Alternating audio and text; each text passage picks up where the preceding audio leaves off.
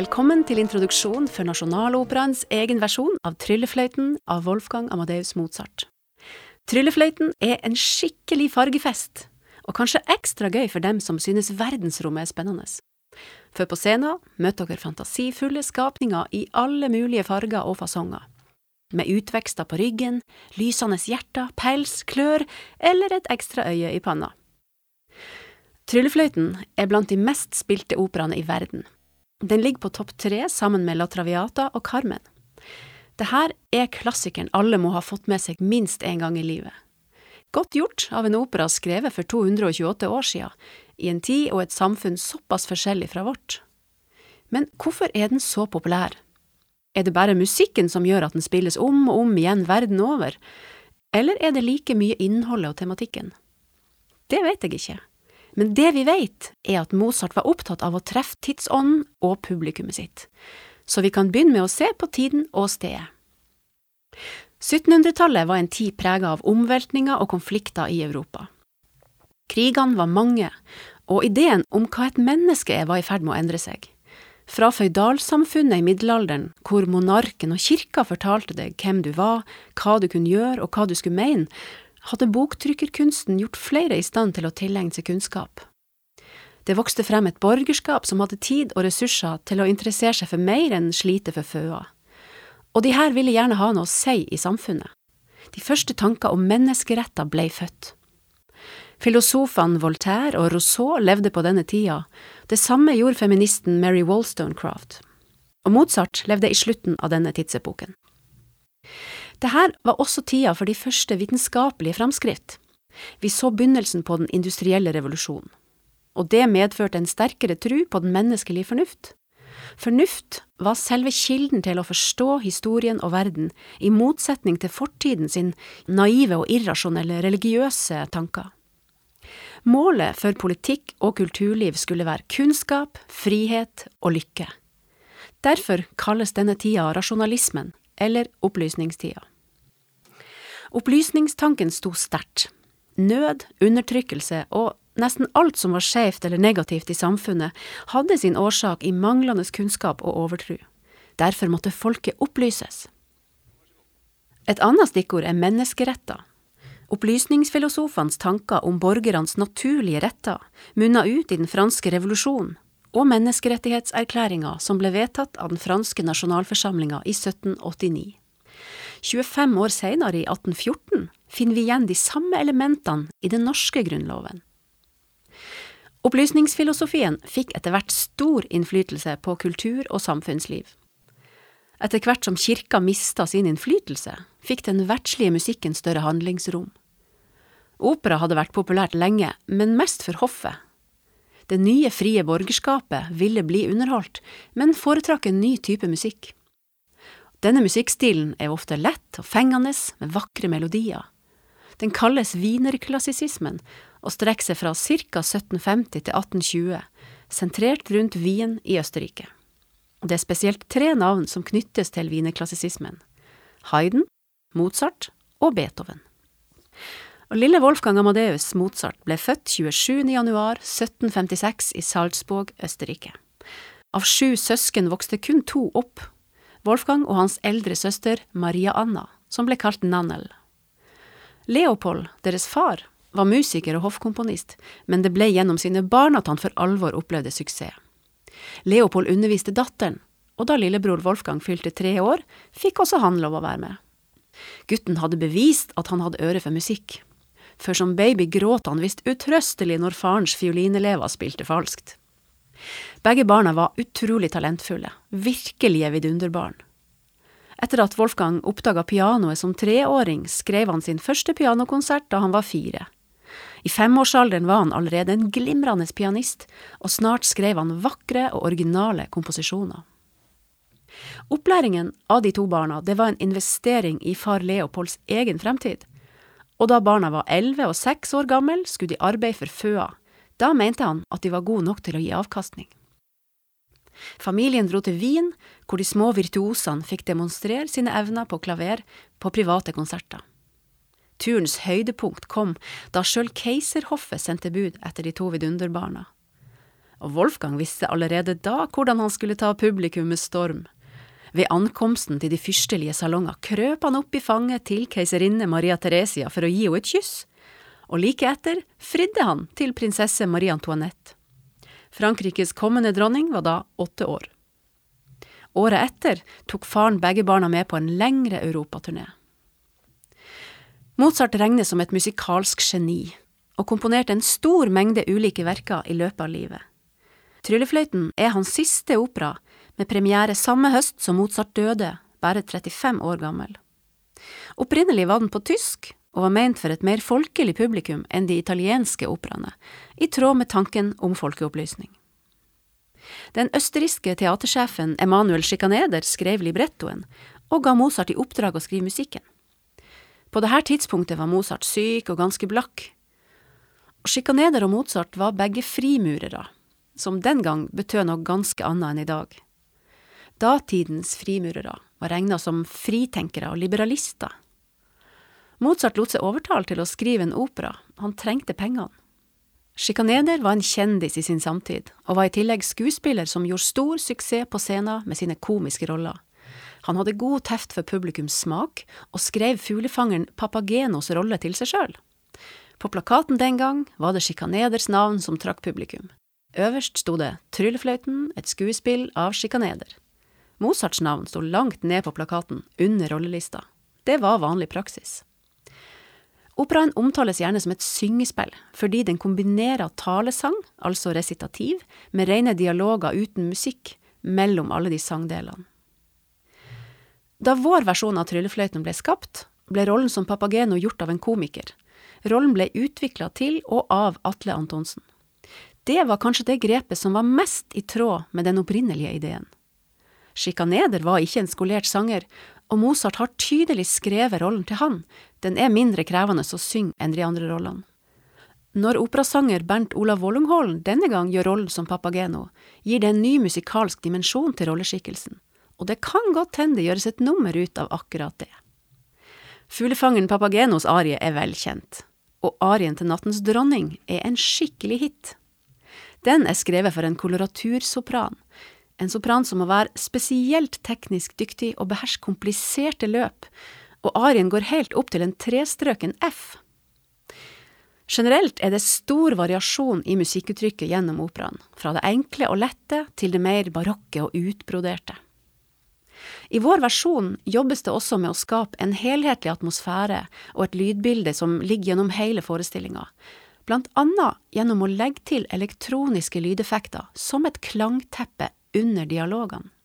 Og de fungerer som en overgang mellom orkesterpartiene og partiene uten musikk. Det er i tillegg noen endringer i partituret, og vi vil høre helt nye instrumenter sammen med operaorkesteret. Det gjøres blant annet bruk av innspilt teremin, mug, bassynt, og det brukes vocoder som fordreier stemmen. Klokkespillet til Papageno erstattes også av noe helt annet. Tryllefløyten handler enkelt sagt om prins Tamino som får i oppdrag fra nattens dronning å befri hennes datter fra den onde trollmann Sarastro. Tamino får med seg fuglefangeren Papageno, reiser til Sarastro og skjønner snart at det ikke er han som er ond, men derimot nattens dronning. Tamino må dermed gjennomgå en rekke prøver for å tas opp i Sarastros hellige brorskap, noe som tradisjonelt har vært tolka som en tydelig referanse til frimurerne. Og operaen følger Taminos innvielser i brorskapet. Regissør Alexander Mørk Eidem er kjent for å modernisere klassikere ved å flytte handlinga i tid og rom. Han lager nye forestillinger sjøl om de er basert på gamle verk. For Mørk Eidem er det grunnleggende at den opprinnelige teksten ble skrevet for et moderne publikum, og at budskapet og humoren i hvert stykke må være relevant for oss, i vår tid.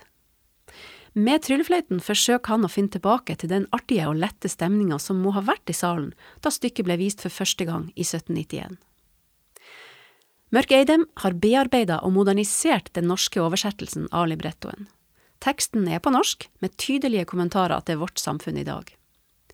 Sjikaneder og Mozart la inn en rekke referanser til det folk var opptatt av på slutten av 1700-tallet, for eksempel egyptologi og frimureri. I vår versjon finner dere referanser alle som har sett gamle science fiction-filmer fra 50-tallet vil kunne kjenne igjen. Vi er ute i verdensrommet et sted, på en B-filmplanet. Og det her er før Star Wars og høyteknologiske filmer. Det visuelle uttrykket her er inspirert av de første sci-fi-filmene som kom, med teatermalte kulisser og enkle filmtriks, for eksempel raketter som dras opp ved hjelp av fiskesnøre. Og tanken her er å få fram den samme barnslige lekenheten som vi ser i de gamle filmene. Den samme lekenheten gjelder for kostymene, som er designa av Maria Gyllenhoff, og scenografien ved Christian Friedlender. I vår versjon lar regissør Alexander Mørk Eidem Tamino krasjland i romraketten sin på en fremmed planet i en fjern galakse. Der møter han blant andre de tre damene og Papageno, som bor der sammen med andre romvesener. Prinsesse Pamina på sin side er skilsmissebarn, og resultat av et mislykka forhold mellom nattens dronning og Sarastro. Hennes foreldre er nå bitre fiender. Pamina og faren befinner seg under jorda, hvor planetens menn har forskansa seg. Menn og kvinner holder ikke lenger ut med hverandre og har brutt kontakten. En slags kald krig hvor det å være mann betyr å være taus og ikke la seg friste av dame. Alle er brødre, og samliv er forbudt. En tydelig lek med kjønnsstereotypier her. Det ser vi også i prøvene Tamino må gjennomgå. Han må være taus for å kunne bli en ekte mann. Men Papageno er den rake motsetninga til det her mannsidealet, og får en sentral rolle i oppgjørets time. Vår Papageno beskrives i forestillinga som en hårete skapning med lite intellekt, men med stor appetitt. Så til handlinga. Prins Tamino er på vei gjennom solsystemet med de to solene, Isis og Osiris, da romskipet hans blir angrepet av en slange. Plutselig forsvinner monsteret, men romskipet styrter ned på en fremmed planet. Det er de tre damer som har skremt bort slangen og ved en feiltagelse truffet Taminos rakett. De går for å fortelle dronninga si at det har kommet en mann fra himmelen, kanskje han kan hjelpe henne. Prins Tamino prøver å få radiokontakt med den galaktiske overkommandoen da han blir avbrutt av en hårete figur som fanger merkelige fugler ved hjelp av en tute. Skapningen viser seg å hete Papageno, og hevder det var han som hjalp Tamino fordi han drepte slangen som jaga romskipet hans. De tre damene er lei av Papagenos skryt og setter lås på munnen hans, sånn at han aldri mer skal lyve. Og damene har også med en gave fra nattens dronning, et hologram av dronningens datter, prinsesse Pamina, som er bortført av den onde trollmannen Sarastro. Og da Tamino får se hologrammet, blir han forelska med det samme. Nattens dronning og hennes hoff ankommer, og dronninga ber Tamino om å redde prinsessa. Klarer han det, skal han få gifte seg med henne. Papagenos munn blir låst opp, og han får ordre om å hjelpe Tamino. Han vil ikke, men har ikke noe valg. Tamino får en tryllefløyte som skal hjelpe han underveis i oppdraget. Papageno er ikke like begeistra for det instrumentet de gir han. Tre gutter kommer for å vise vei til Sarastros rike.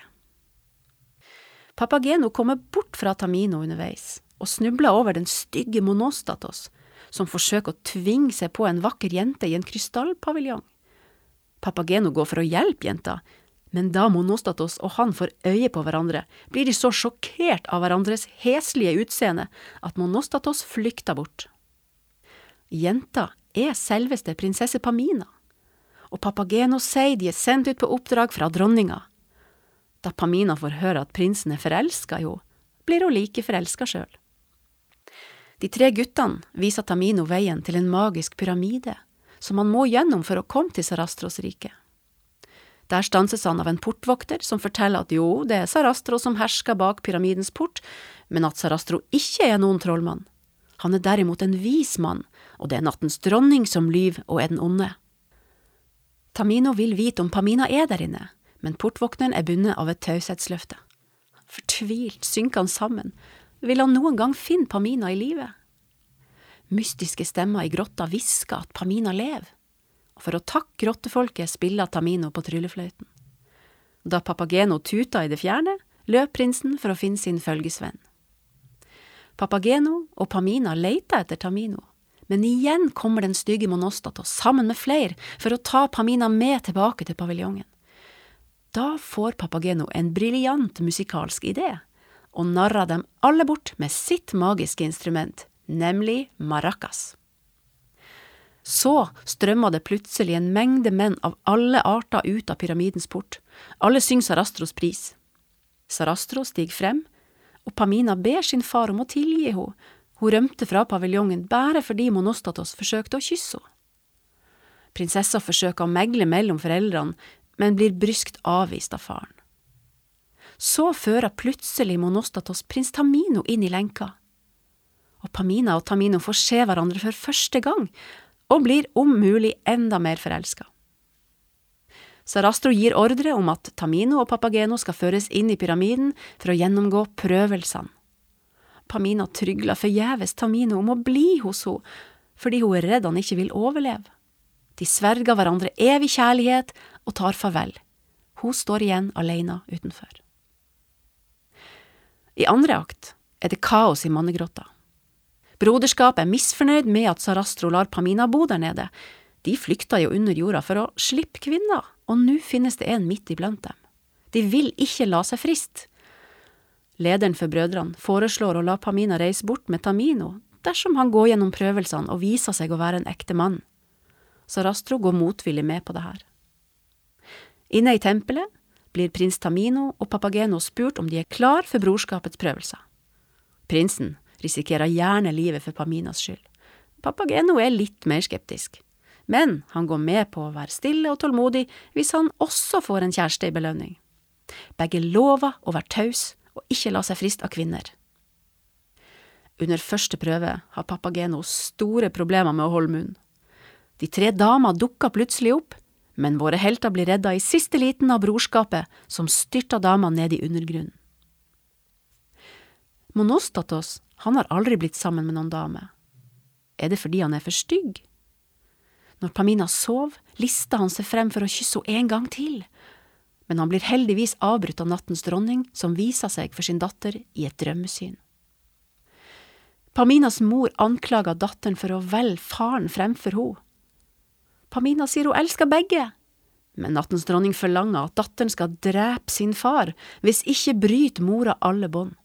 Hun gir sin datter en krystalldolk og forsvinner.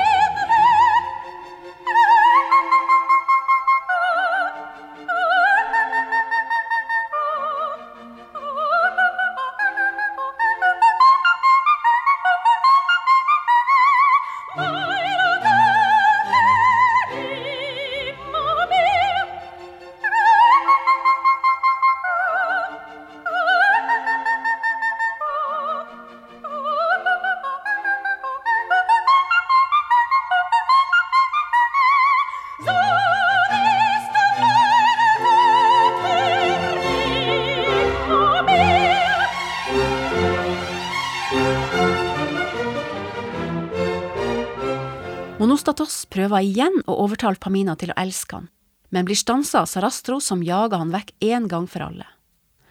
Pamina gråter og sier at alt er hennes skyld, men Sarastro trøster og sier det er han og mora som er skyld i alt. Han gir Pamina tillatelse til å reise bort og finne sin egen vei. I mellomtida er Tamino og Papageno kommet frem til klippen for neste prøve.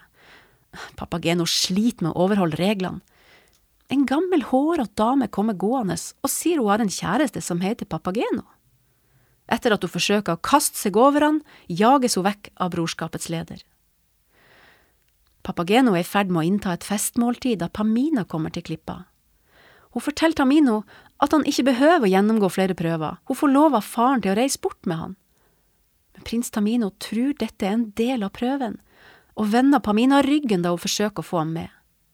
Hun synger ut sin smerte, men Tamino er standhaftig og lar ikke hennes gråt få han til å bryte reglene, sjøl om han er tydelig fortvilt. Pamina går sønderknust derfra.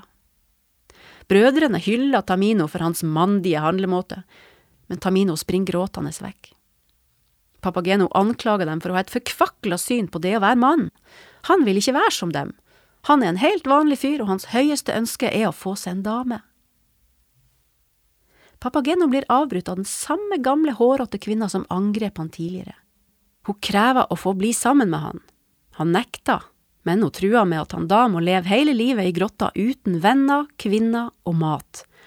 Og den siste trusselen gjør at Papageno går med på å gifte seg. Men da hun tar av seg forkledninga og viser seg å være Papagena, hans drømmedame, blir begge to styrta ned i hver sin undergrunn av brorskapet. Etter å ha blitt avvist av Tamino, vender Pamina tilbake til klippa for å ta sitt eget liv. Hun blir stansa i siste liten av de tre guttene, som sier prinsen elsker hun like høyt som hun elsker han. Sammen går de for å finne prinsen. Og i lavarommet skal Tamino gjennomgå den siste prøven, og gå gjennom ild for å bevise sin mandighet. Plutselig hører han Paminas stemme, og brødrene gir han lov til å snakke med henne. Både han og Pamina har vist seg verdig. Pamina foreslår at de sammen skal gå gjennom ildprøven, og sier tryllefløyten vil lede dem trygt gjennom. Den var opprinnelig en kjærlighetsgave fra Sarastro til nattens dronning. Og ved hjelp av musikken og kjærlighetens makt kommer de seg sammen gjennom ilden. Papageno leter etter sin papagena, men da han ikke kan finne henne igjen, beslutter også han å ta livet av seg. Men han blir også stansa av de tre guttene, og i siste liten finner han sin papagena.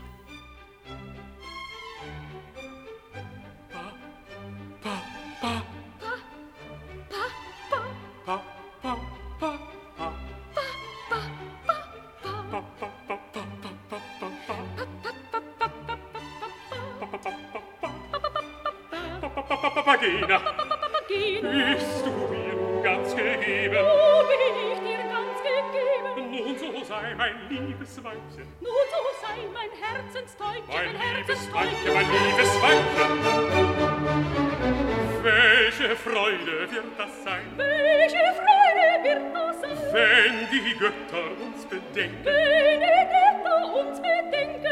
Unsere liebe Kinder schenken, unsere liebe Kinder schenken, so liebe kleine Kinderlein, Kinderlein. Kinderlein.